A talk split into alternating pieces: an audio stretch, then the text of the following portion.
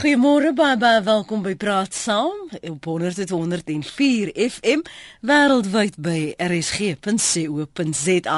My naam is Lenet Fransis. Welkom by die program.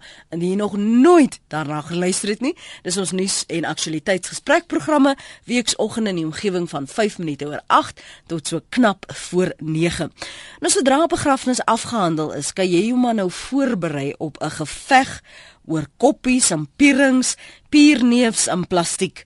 Dit lyk asof die Mandela gesin dit ook nie vryspring nie en die twis oor besittings en opvolgings en besighede en handelsmerke het reeds rugbaar geword en Winnie Madikizela Mandela sê koeranberigte wat sê daar's gevegte binne die Mandela familie is als vals.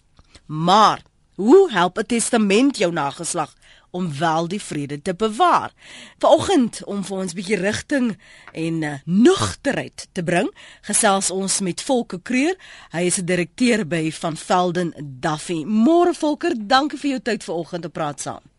Môre net, uh, môre luisteraars. Kyk, ons kan nou nie, ons het nou self nie die Mandela Testament onder oog gehad nie, maar ek dink dit is nou so in die nuus. Ons kan dit net sowel as 'n voorbeeld gebruik vir hoe 'n geveg kan ontstaan. Hoe help 'n testament jou om hierdie binnengevegte uit te skakel? En kan dit werklik as gemoedere so hoog loop en almal wil 'n stukkie hê van 'n ding? Ja, net is inderdaad eh, dit was hartseer om te sien hoe die familie eh, begin beklei na die afsterwe van 'n geliefde. En ehm um, 'n testament is definitief iets waarna mense kan kyk om te sorg dat so iets nie gebeur nie of ten minste te probeer om te verhoed dat sulke bekleierery tussen die familie ontstaan. 'n uh, Belangrike aspek waaraan ek nogal glo is dat 'n mens gerus die testament met die familie moet bespreek en oop kaarte moet speel en almal moet voorberei op wat gaan gebeur as 'n mens nou te sterwe sou kom.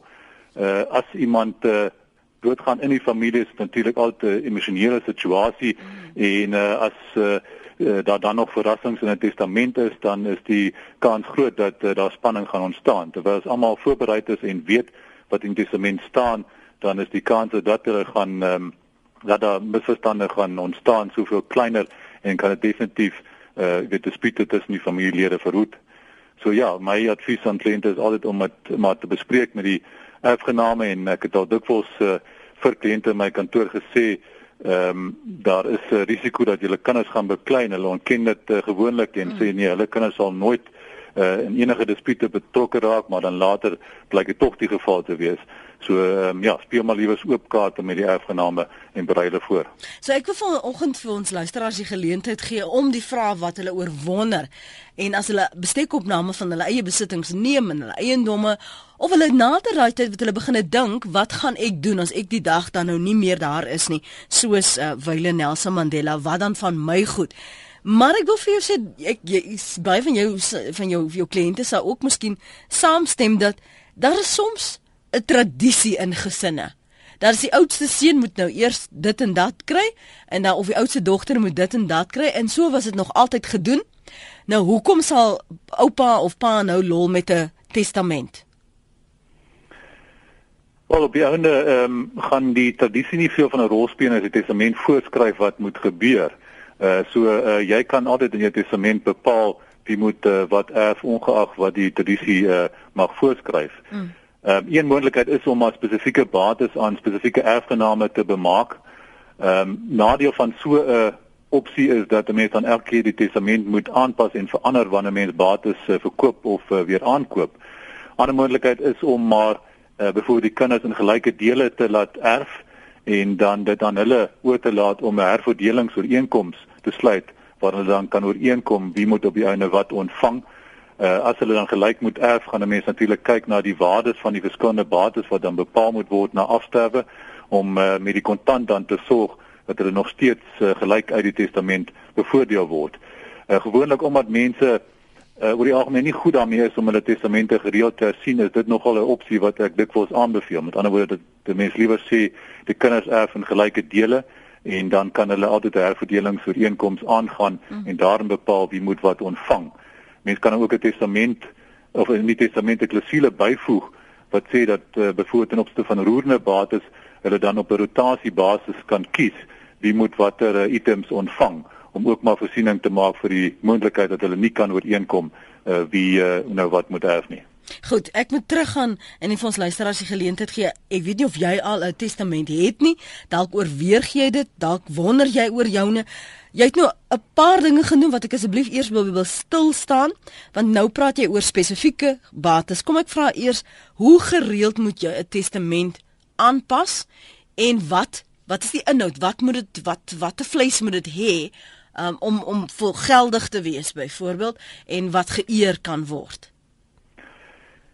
Wel, die testament moet maar sien word as jou uh, omstandighede uh, verander soos byvoorbeeld waar daar 'n egskeiding is, soos byvoorbeeld waar daar 'n huwelik gesluit word, soos byvoorbeeld waar daar kinders uh, gebore word, uh, waar jy dan ook in die testament spesifieke bates uh, benoem as spesifieke erfgename soos ek vroeër genoem het, uh, moet 'n mens ook maar weer na die testament kyk waar jy belangrike bates uh, verkoop of aankoop soos 'n uh, onroerende goed. Mm.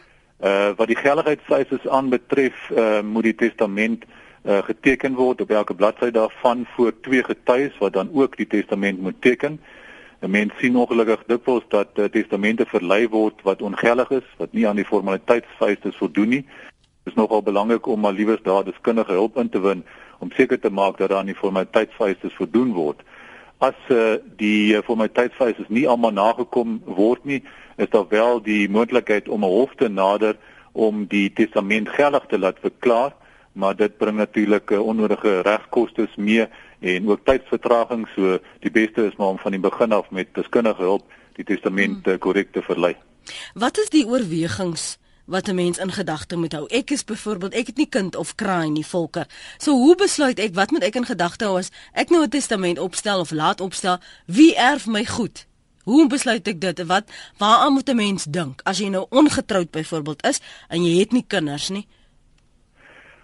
Dis maar iets wat 'n mens self moet uh, besluit. Uh, Gewoonlik kyk mense maar na ouers, kinders is nie of na broers en susters uh, as erfgename, maar uh, ja, in ons reg is daar baie ding beginsel van testeervryheid, so enige erflater kan self besluit wie hy uit sy testament wil bevoordeel. So as ek 'n papegaai het en ek is baie lief vir die papegaai, mag my papegaai erf?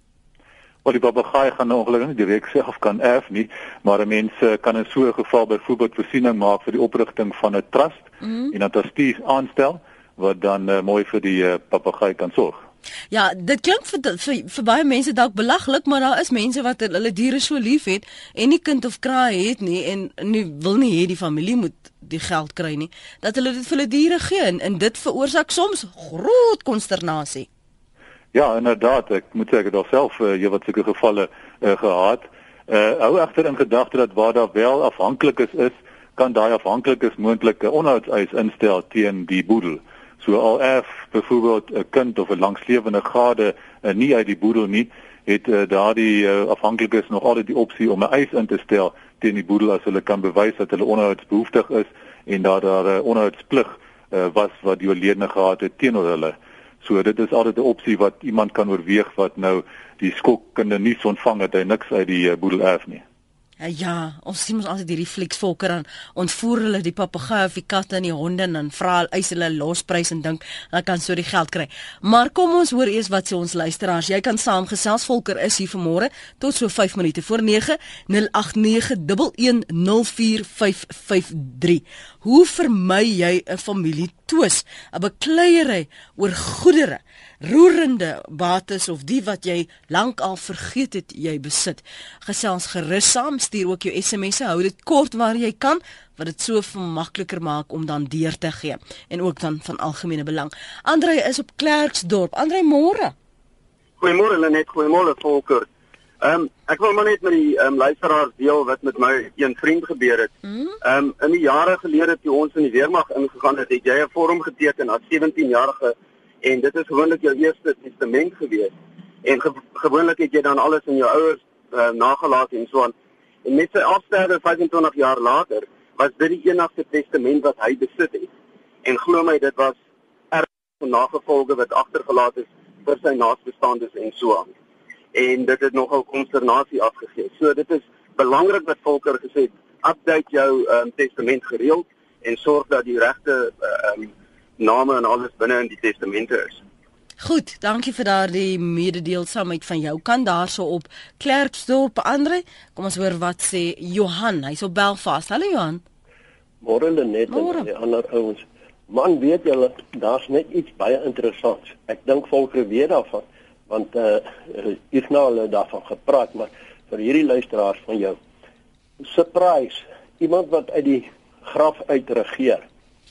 Uh Jan en Sunny is getroud op gemeenskap van goedere. Die dag as die testament gelees word, dan kan daar staan Sunny erf hierdie huis rondom die boedel. Uh Janie kan geen aanspraak maak daarop ooit nie. As hy op haar naam en hierdie ou wat die erflating die die die die uh, uh, afgestorwene mm. dan kan hy daarin spesifiseer al is Jan en Sunny op gemeenskap van goedere getroud. As een van hulle twee wegval bly daardie huis maar nog net op haar naam en sy kan besluit wie hom moet moet erf. Jy verstaan dit is net iets baie baie interessants maar as dit geld is wat so geërf word laat net een van die twee hierdie klomp geld kry. As sy dan later kom en 'n kar koop wat die wat die uh huishouding gebruik of meubels koop of so. Mm. Dan is dit 'n vermenging van fondse. Dan kan sy nie meer sê ja, maar uh, ek het 100 000 rand geërf. Daai 100 000 rand bly daar. Uh, dit bly myne, as hulle maar hulle skei. Ja. Uh, dan dan moet dit gedeel word. Nee. As sy wil daai 100 000 rand hou, moet sy dit bære en beleggings of wat ook al, hy moet een kan staan, maar sy hom wil vermeng met hulle eie fondse. Maar die huis is nou 'n vaste ding, né? Sy kan hom nou nie meng nie. Nou kom ek kry jy die die die situasie laat hy nou later baie verbeterings doen en al daai hulle noem dit uh, die verryking mm. van daai huis in later, maar in die testament gelees word, dan is dit vir hom 'n surprise dat daardie huis eintlik net aan haar behoort, maar hy het honderde rande deur die jare daar aan daai huis gespandeer, maar dit is eintlik net daar en sy sê nee. Dit net 'n interessante uh, gevolgtrekking. Ek wil graag hoor wat Volker daaroor sê. Goed Johan, dankie vir daardie punt. Volker, as dit soos Johan sê. Ja, ek stem uh, uh, eintlik saam met wat Johan sê. Uh, dit is inderdaad so dat die meeste erflaters in hulle testament sal bepaal dat die erflating uitgesluit is van huwelik buite uh, binne gemeenskap van goedere. So as 'n kind byvoorbeeld erf wat nou getroud is binne gemeenskap van goedere en daardie klousule is in die testament, dan sal net daardie kind daardie voordeel ontvang ten spyte daarvan dat daar eintlik 'n gemeenskaplike boedel tussen die kind en uh die se gade bestaan. Mm. En uh dan is dit inderdaad ook so dat waar daar 'n egskeiding is of waar daar 'n uh, afsterwe is, daardie kind alleen met daardie bates kan handel wat ehm um, wat hy dan volgens die testament ontvang het. Uh, ook wat die verryking aanbetref, ehm uh, kan dit soms 'n uh, ingewikkelde situasie afgee waar die gade van so 'n kind wat byvoorbeeld dan geërf het verbeterings aan daardie eiendom aanbring uh aangesien net die kind dan eintlik die eienaar van die eiendom is waarop die verbeterings aangebring is is dan inderdaad 'n uh, verrykingseis wat die ander gade uh wat uh, binne gemeenskap van goeie getroud is uh, in, kan instel teen uh, teen daardie kind. So die algemeen ja, nee, stem ek nogal saam met wat uh, Johan sê. Kom ek lees gou van wat ons luisteraars vinnig sê. Volker en stop my as jy vinnig kommentaar daarop wil lewer asseblief. Uh, Ansie in Durban vra wat is die beste en die vinnigste vir afhandeling testament by 'n bank of 'n prokureur? Ja, uh, ek dink die die ruim is om maar regtige deskundige te kry wat spesialiseer op die gebied. Uh bekommernis by 'n bank is maar soms dat 'n mens daar 'n nommer is en nie die persoonlike aandag kry wat jy dalk by 'n prokureur gaan uh, ontvang. Uh by prokureur moet 'n mens dink ek egter ook versigtig wees om regtig iemand soos ek nou reeds gesê het te kies wat daarop spesialiseer en sy storie ken. Dit help ook in baie gevalle uh as die prokureur die familie se situasie so 'n bietjie ken en met die nodige aanvoeling kan sorg dat hy die erfgename so uh, gelukkig as moontlik hou en dispute kan voorkom. So ehm um, dit hang maar af van elke persoon se omstandighede wat beter is om om te doen. Ja. Ehm um, hier's nog 'n mening aan wat gebeur as jy nie 'n testament of afhanklik is het nie sê Eugene. As dan nie 'n testament is nie, dan is daar wetgewing wat uh, voorskryf wie moet wat erf, dis die wet op interstate erfopvolging. Uh ek kan ook 'n paar voorbeelde noem as die oorledene uh slegs kinders gehad het, dan erf daardie kinders alles in gelyke dele as die uh, oorledene 'n langslewende gade en kinders gehad het, dan erf die langslewende gade uh, 125000 rand of 'n kunstdeel wat een ook al die grootste is en 'n kunstdeel beteken dan dat die langslewende gade saam met die kinders in gelyke dele moet erf. As daar geen kinders en geen langslewende gade is nie, dan gaan 'n mens op na die uh, ouers van daardie oorledene wat dan in gelyke dele erf en as een van die ouers dalk voordelede is, dan erf die uh, ouer wat nog lewe 50% en die ander 50% gaan weer af na die kinders van daardie ouer, met ander woorde die broers en susters van die oorledene. Mm. En so gaan dit maar aan. So die wet skryf dan voor wie moet wat erf. Nou die aard van die saak gaan die wet in die in baie gevalle nie ehm um, ooreenstem met wat 'n erflater saak graag sou wou gehad het. So die beste advies is natuurlik om maar liewer self 'n testament te verlei en daarin voor te skryf wie moet wat erf die spaarluisteraars wat sê my testament bepaal dat alles verkoop word en bates gaan na die DBV. Anita van Boksburg skryf ook ek het 3 kinders, maar my testament lui dat die enigste erfgenaam is die DBV. En nog een Elna sê my ma beklei na 16 jaar nog steeds met my ons oor my oupa se testament. Sy het nie gekry wat sy wou gehad het nie. Wat 'n jammerte. Dit versuur almal se lewens. En dan skryf 'n ander luisteraar ook op, op dieselfde trant wat my warm onder die uh, boortjie maak is mense wat naamgenote laat erf of die dit nou verdien of nie. Dis baie hartseer is daardie mening van 'n luisteraar. Jy kan ook 'n draai maak op ons webblad rsg.co.za en daar verder gesels met my gas vanoggend, Volker Kreer, hy's direkteur by van Velden Duffy. Ons praat oor of 'n testament nou werklik die vrede sal bewaar. Hoe gaan dit nou vir julle help dat hierdie familie twiste vir jare en eeue later nie weer kop uitsteek nie? Um, ons het gesien in die geval van uh, meneer Mandela het hy nog selfs voor sy dood was George Bezos was een van sy exiteurs. En ehm um, daar was ander, drie as ek nie verkeerd is nie. Help dit om liewer iemand te hê? Help dit om meer as een te hê? Ehm um, as hulle dalk uh, jy weet of omgekoop kan word of bevooroordeeld kan wees. Ehm um, hoe bepaal jy wie gaan die eksekuteur wees dan, Volker? Ja, dit help uh, dikwels om 'n onafhanklike eksekuteur te benoem uh, wat uh, die nodige ondervinding het en weet hoe om die situasies te hanteer en uh, ook kan help om te sorg dat die familie uh, nie beklei nie. Ehm um, twee belangrike vergaderings moet maar altyd gehou word met erfgename waar 'n boedel te sprake is. Een is die aanvanklike vergadering waar mens maar vir erfgename moet verduidelik wat is die proses en uh, hoe gaan al die dinge uh, afloop en dan uh, gewoonlik hou mense ook 'n latere vergadering uh, nadat al die waardasies nou gedoen is van die boedelbates om dan te gesels oor die moontlike herverdelingsooreenkomste en so meer. En uh, ja, waar so 'n persoon onafhanklik is wat dan die vergadering lei en die nodige advies kan gee en hopelik hopelik die erfgename mm. kan lei na 'n uh, skikking en herverdeling waarmee almal gelukkig is, kan dit definitief uh, help om ehm um, uh, dispute te voorkom te voorkom in plaas daarvan dat 'n uh, mens dalk 'n familielid uh, benoem as 'n as 'n eksekuteur uh, waar daar dan baie vinnig wantroue kan ontstaan omdat uh, die ander erfgename dan dalk dalk gaan dink dat die eksekuteur sy posisie gaan probeer misbruik om uh, self uh, bevoordeel te word. So in daai opsig help dit definitief om liewers te kyk na onafhanklike eksekuteure soos ek verstaan uh, meneer Mandela dan ook gedoen het.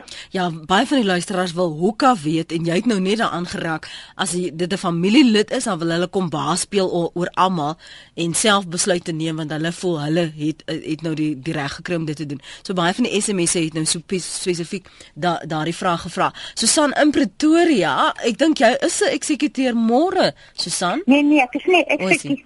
Ek is nie eksekuteur, mm. ek is trustee van my seun se trust geld, ja. jy weet. Mm. Nou wil ek net weet ek is hier so by 80 in die 80.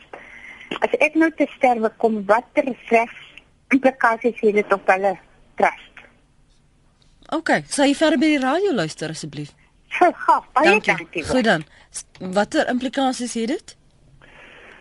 Die uh, trust akte gaan normaalweg bepaal wat moet gebeur as 'n trustee te sterwe kom. So mense sal moet kyk wat in so 'n geval die trust akte bepaal. Dit wil staan dat die oorblywende trustees dan 'n trustee kan benoem in die plek van die oorledene trustee of soms skryf die trust akte ook spesifieke persoon alreeds voor wat uh, enige uh, trustee wat te sterwe mag kom moet vervang. soms uh, bepaal die trust dat ook dat die beginsigte uh, of die beginsigdes uh, die trustee wat uh, uh oorlede is uh, kan vervang deur 'n nuwe een te benoem.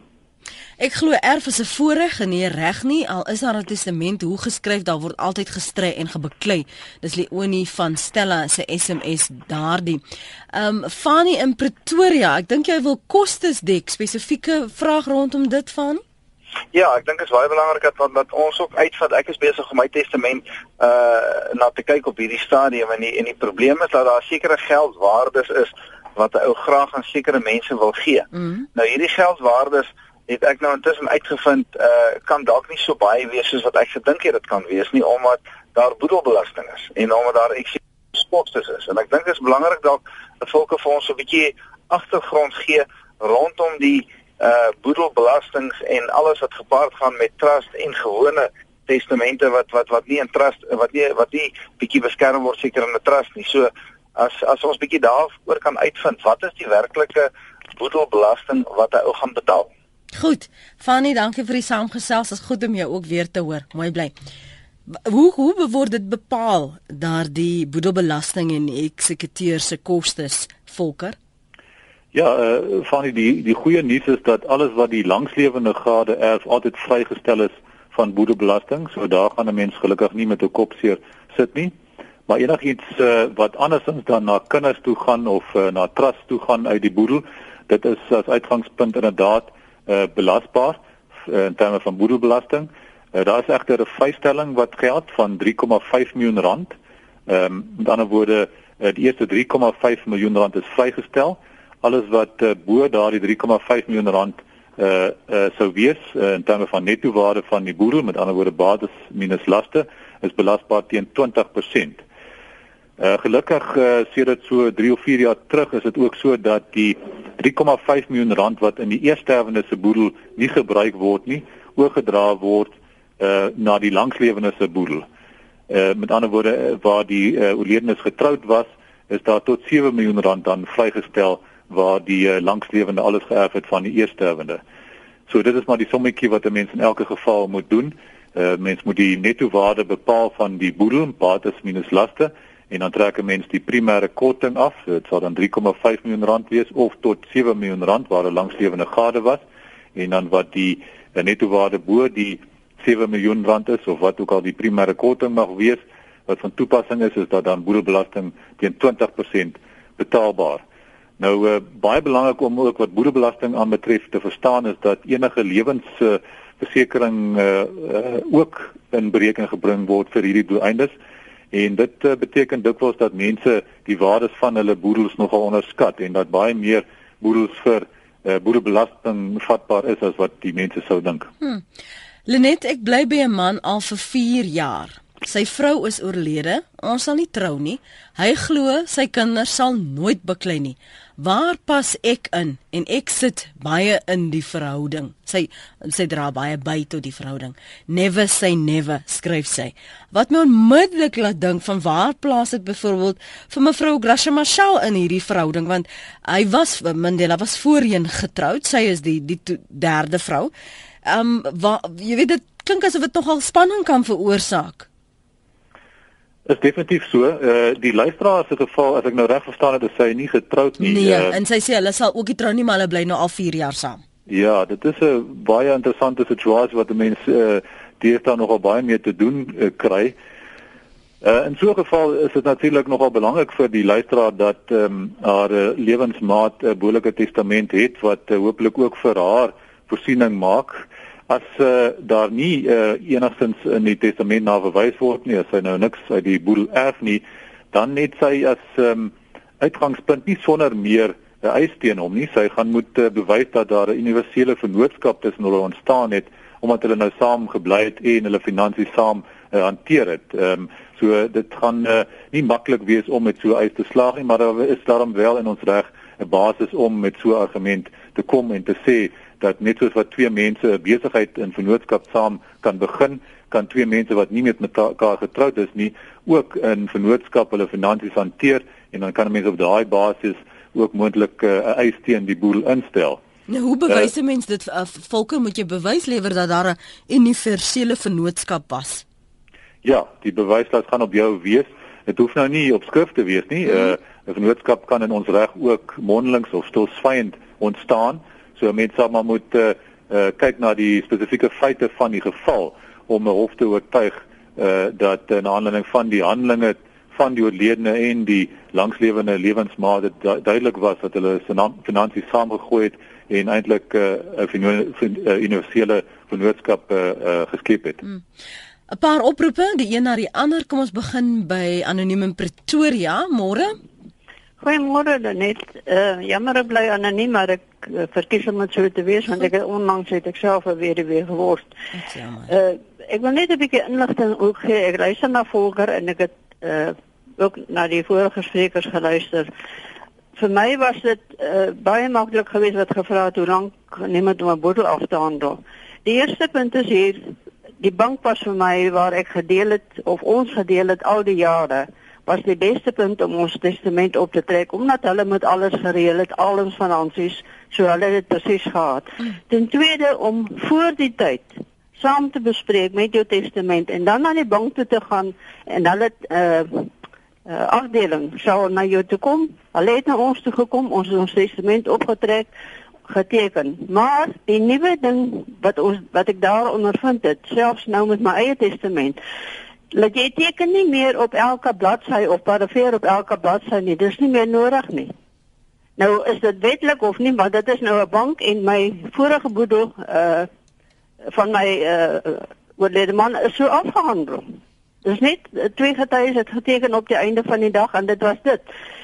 En om voor die tyd by die bank vir jou testament as hy moet afgehandel word, kan jy inligting kry van alles wat jy benodig het. Ek glo my, jy val op jou rug as jy sien jou water en ligte, wat jy alles betaal het, elke kwitansie wat daar gegaan het, want jy kry op jou bates en jou laste.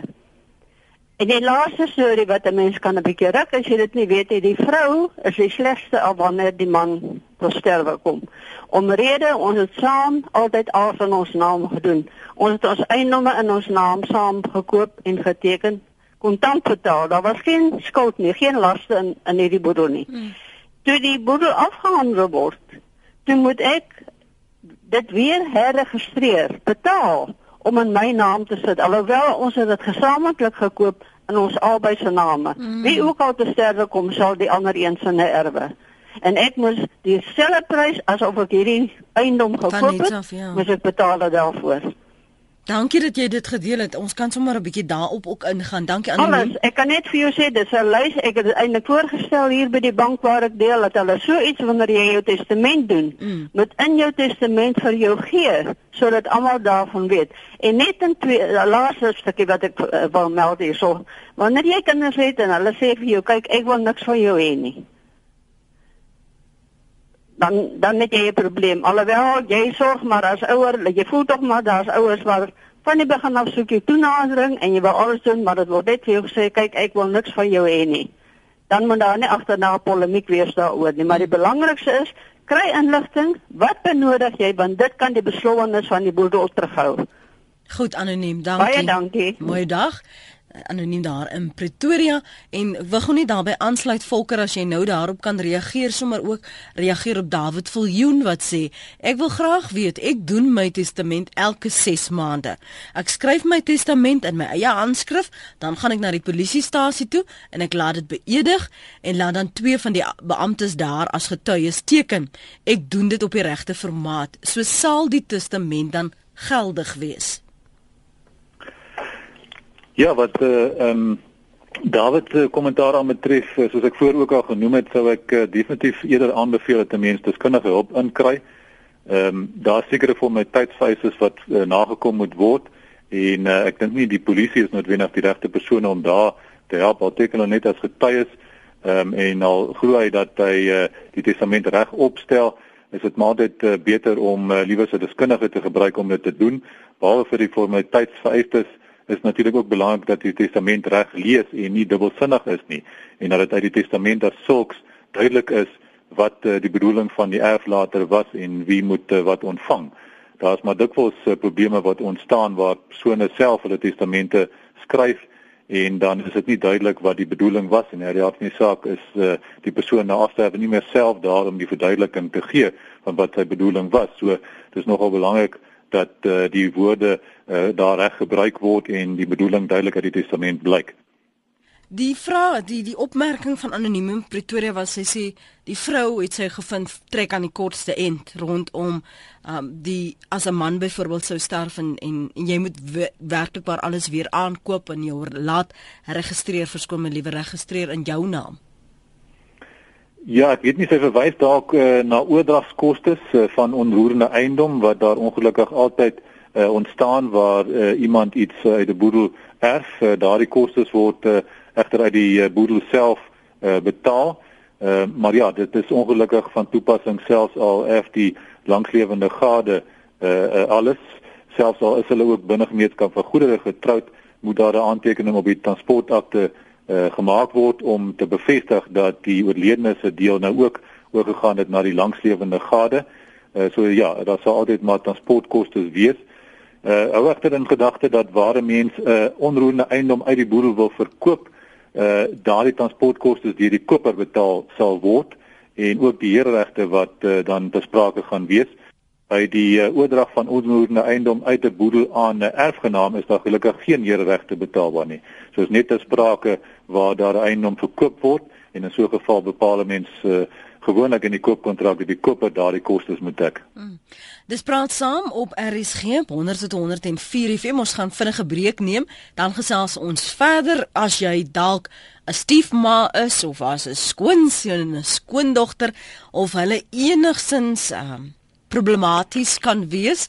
Ek moet maar ook my woorde versigtig kies. Mense raak ontstel hier op ons SMS lyn adres sê ek het alles aan my vriend bemaak want ek skuld my familie niks na jare se haat teenoor my hulle kan gaan doppies blaas SMS na 3343 onthou dit kos 1.50 en jy kan ook 'n draai maak op ons webblad rsg.co.za jy kan my volg en tweet by Lenet Francis 1 of jy bel ons 089 1104553 089 1104553 553 'n boer se vrou tweet mense moet voorsiening maak vir eksekuteursfooi al is 'n boedel te klein vir boedelbelasting is daar steeds eksekuteursfooie my pa se boedel was bitter klein maar die huis stoot die boedelwaarde op. Sy motor moes verkoop word om die eksekuteursfooi te betaal.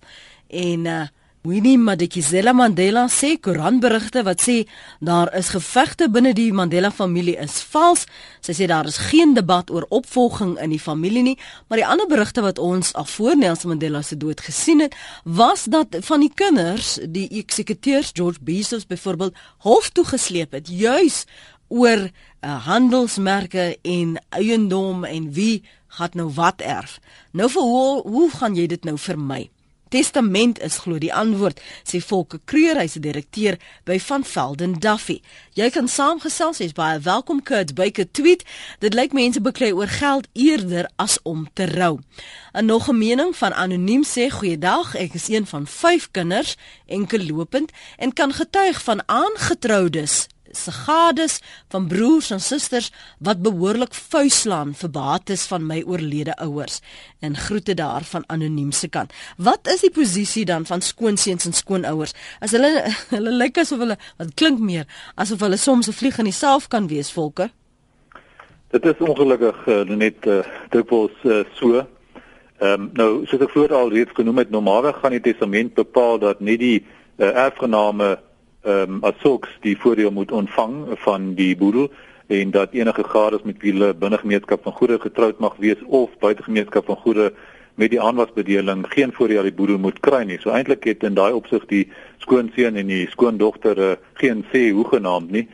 Ehm um, en dikwels ehm um, word dit nie so toegepas nie. So uh, dis nogal dink ek belangrik as mense uh, die boedelberedingsproses hanteer as 'n uh, eksekuteur of as agent van die eksekuteur om uh, by die eerste vergadering daardie punt uh, duidelik te maak. Mense wil natuurlik nie uh, hulle heeltemal die reg onneem om hulle gades by te staan wat nou as erfgename ook hier en daar belangrike besluite moet neem, maar dis waar dit moet bly. Hulle moet maar net daardie erfgename bystaan. As sulks moet hulle nie self die proses probeer oorneem of uh, probeer sorg dat hulle voordele uh, kry uit die boedel waar hulle natuurlik nie geregtig is nie.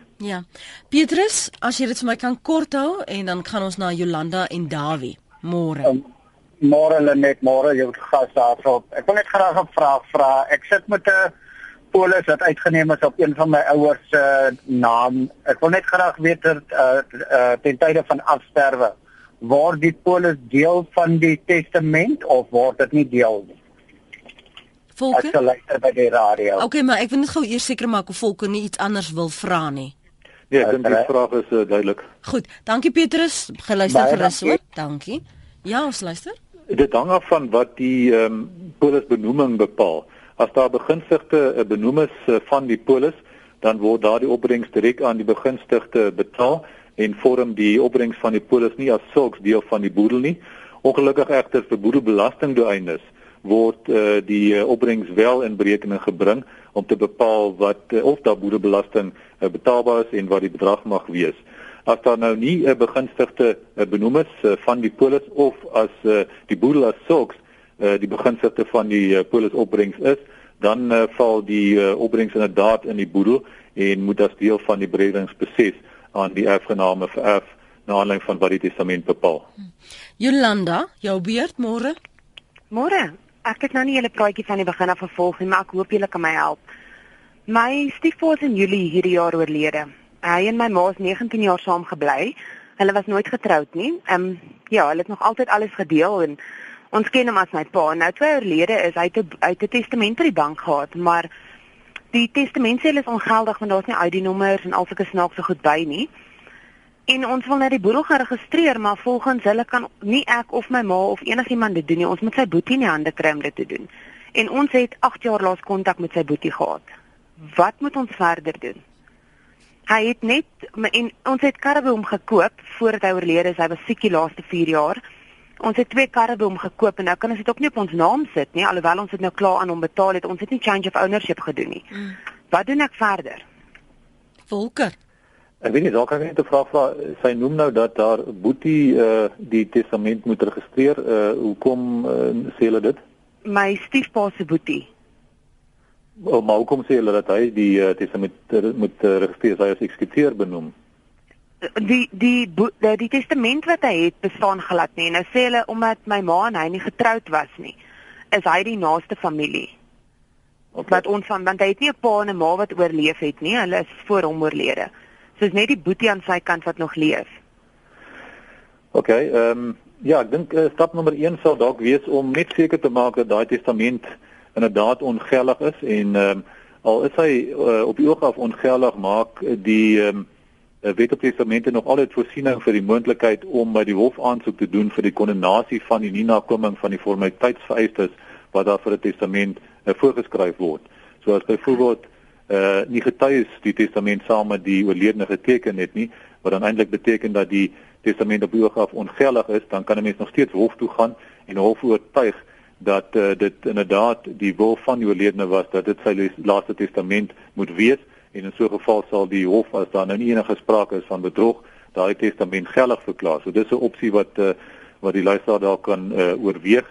Ehm um, wat die ehm um, boetie uh, uh, aan betref wat uh, blykbaar nou die testament moet registreer, uh, neem ek aan dis nou op die veronderstelling dat die testament ongeldig is en in so 'n geval is dit inderdaad so dat die naaste familie dan 'n uh, eh, eksekuteur moet uh, benoem uh, wat die meester dan sal oorweeg om aan te stel.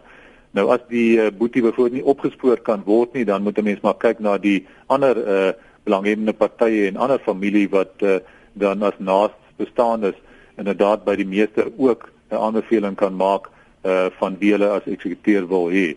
So die uh, meester het dan altyd die diskresie om as iemand byvoorbeeld nie opgespoor uh, kan word nie uh, na ander persone se benoemings te kyk en uh, dan 'n eksekuteur aan te stel sodat die boel afhandel kan word. Ag, en dan die bakkies wat ons hom gekoop het, moet dit net nou maar staan tot wanneer die boedel eendag afgehandel is. Is dit bakkies wat jy by die oorledene gekoop het? Ja. Ons het die laaste paaiement vir hom gegee 3 weke voor hy oorlede is, maar ons het nie papierwerk gedoen nie want hy het my my, my hele lewe nog groot gemaak, so ons het nie gedink aan papierwerk nie. Die uitgangspunt is dat enige ooreenkomste wat die oorledene gesluit het met uh, wie ook al is afdwingbaar. So dit sal ook vir die boedel geld. So um, as jy kan bewys dat daar so 'n ooreenkoms uh, aangegaan is, al is hy nou nie op skrif gesit nie, al was dit net uh, mondelings gewees of stilswygend gewees of, of al is dit maar net die feit dat jy fisies in beheer was van die bakkies reeds met sy afsterwe wat 'n mens kan gebruik as uh, onder andere 'n bewys dat dit inderdaad so 'n transaksie of dat daar inderdaad so 'n transaksie gesluit is dan uh, kan jy nog steeds daardie uh, koop kontrak uh, afdwing teen die boedel en uh, dan uh, maak dit eintlik nie saak wat hy testament bepaal nie as jy 'n so 'n inkomste gehad het en die bakkies gekoop het en betaal het dan uh, kan jy dit hou. OK, ek moet dit opspoor. Dankie vir die saamgesels. Dis Jolande daar op Heidelberg. Lenet my, waar is die anoniem? Ek en en my ma het mekaar vir jare nie gesien nie. Maar ons het wel telefonies kontak, so once in a blue moon gehad. amper 2 jaar terug is sy oorlede en haar man, die stiefpa, op dieselfde dag. Langs toe die kort, my broer en die stiefpa se broer het geërf Ek het niks gekry nie, want daar was nie 'n testament nie, so sê hulle. Is daar iets wat ek kan doen? Ek dit gelos, want ek beklei nie na mense oorlede is nie. Hulle het my uit alles uitgesluit, maar daarom 'n oorlosie aangebied. Sê nou byvoorbeeld As ons nou daardie as 'n voorbeeld sou gebruik. Mevrou uh, Gracia Marcel sê maar ek het vir Nelson Mandela versorg vir al hierdie jare, lieflik na hom gekyk, goeie geselskap gewees, maar sy erf nou nie kan sy byvoorbeeld vra vir onderhoud of 'n eis teen die boedel instel soos in hierdie geval ook? Ja, uh, wat die luisteraar se geval aanbetref, ehm um, wonder ek of sy reg is. Sy sê daar is nie 'n testament gewees nie en uh, sy het nou niks geërf nie. Mm. Soos ek voorheen gesê het, as daar nie testament is nie, dan geld die wet op instaat erfopvolging. En daarvolgens sou sy eintlik inderdaad as uh, kind uh, geregtig wees om saam met die langslewende gade te erf. So ehm um, ek uh, wonder of daar dalk nie tog 'n testament dan eintlik was wat dalk bepaal het dat sy nou niks erf nie. As daar so 'n testament was wat sê sy erf nie, dan uh, is die uh, enigste ander opsie dat sy moontlike onderhoudseis sou kon hê teen die boedel, maar sy reeds self onderhoudend uh, was op datum van afsterwe wat vir my klink die geval was, dan gaan sy waarskynlik moeilik uh, uh, onderhoudsbehoefte en onderhoudsplig kan bewys so die kans dat sy dan gaan slaag met 'n onderhoudseis is waarskynlik redelik skraal. Mm. Wat mevrou Marcel se uh, posisie aan betref, uh, is daar gelukkig uh, wetgewing, die uh, wet op onderhoud van die langslewende gade wat uh, die langslewende gade beskerm waar uh, die nik, uh, niks of nie genoeg sou erf nie om vir uh, sy of haar onderhoud voorsiening te maak nie. In so 'n geval kan die langslewende gade inderdaad 'n eis instel teen die boedel en sal die normale beginsels wat by ons eise toegepas word ook daaraan gewend word om te bepaal uh of sy 'n behoefte het en wat uh, die bedrag is wat sy dan uit die boedel kan eis om vir haar onderhoud uh, voorsiening te maak. Hmm. Davie, hou dit vir my kort asseblief, die tyd haal ons nou in. Baie dankie Lenet, uh, môre aan julle en môre aan volke. Lenet, ek het 'n baie kort vraagie. Mm ek besit 'n klompie aandele. Nou, uh, as ek nou sit te, te, te sterwe sou kom. Uh, hoe kan ek uh, wat kan ek maak om hierdie aandele behoue te bly as 'n aandeel en dat dit nie moet uh, in kontant omgesit word nie. Met ander woorde, hoe kan ek dit laat vererf sonder dat dit nou moet verkoop word? Is daar miskien 'n uh, raad wat volker daar vir mense kan gee? Dankie Dawie. Volker, kan jy daarop reageer? As jy mens die aandele aan 'n uh, begunstigde bemaak, dan is die uitgangspunt dat die begunstigdes kan besluit of hulle die aandele wil ontvang uh of of hulle dit wil verkoop. So dat definitief nie 'n verpligting op die eksekuteur of die uh beginsigtes om die aandele te verkoop.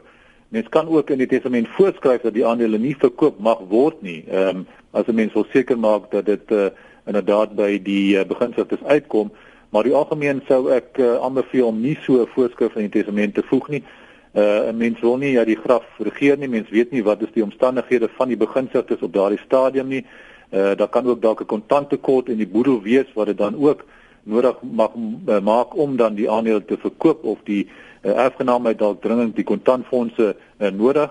Ehm um, so ek uh, sou oor die algemeen liewers aanbeveel dat hy direk aan die uh, beginsigtes benoem of bemaak liewers die die aandele en dit dan aan hulle oor te laat of hulle dit uh, wil ontvang in spesies en of hulle dit wil verkoop. So dikwels hoor jy mense wat verwag het om te erf, het nie geërf nie en dit skep soveel ongelukkigheid, veral as iemand eh, voel maar dis my geld, ek het hiervoor gewerk, is my eiendom, ek sal besluit wie dit kry. En dan gebeur daar 'n onvoorsiene ding. Hulle kan nie byvoorbeeld die wysigings aan hulle boedels maak nie, volker. En dan word daar gepraat soms van 'n van 'n lewende testament, soos in die geval van meneer uh, Nelson Mandela waar hy aan die lewe gehou is deur masjiene. Uh, hoe geldig is dit? Hoe aanvaarbaar is dit?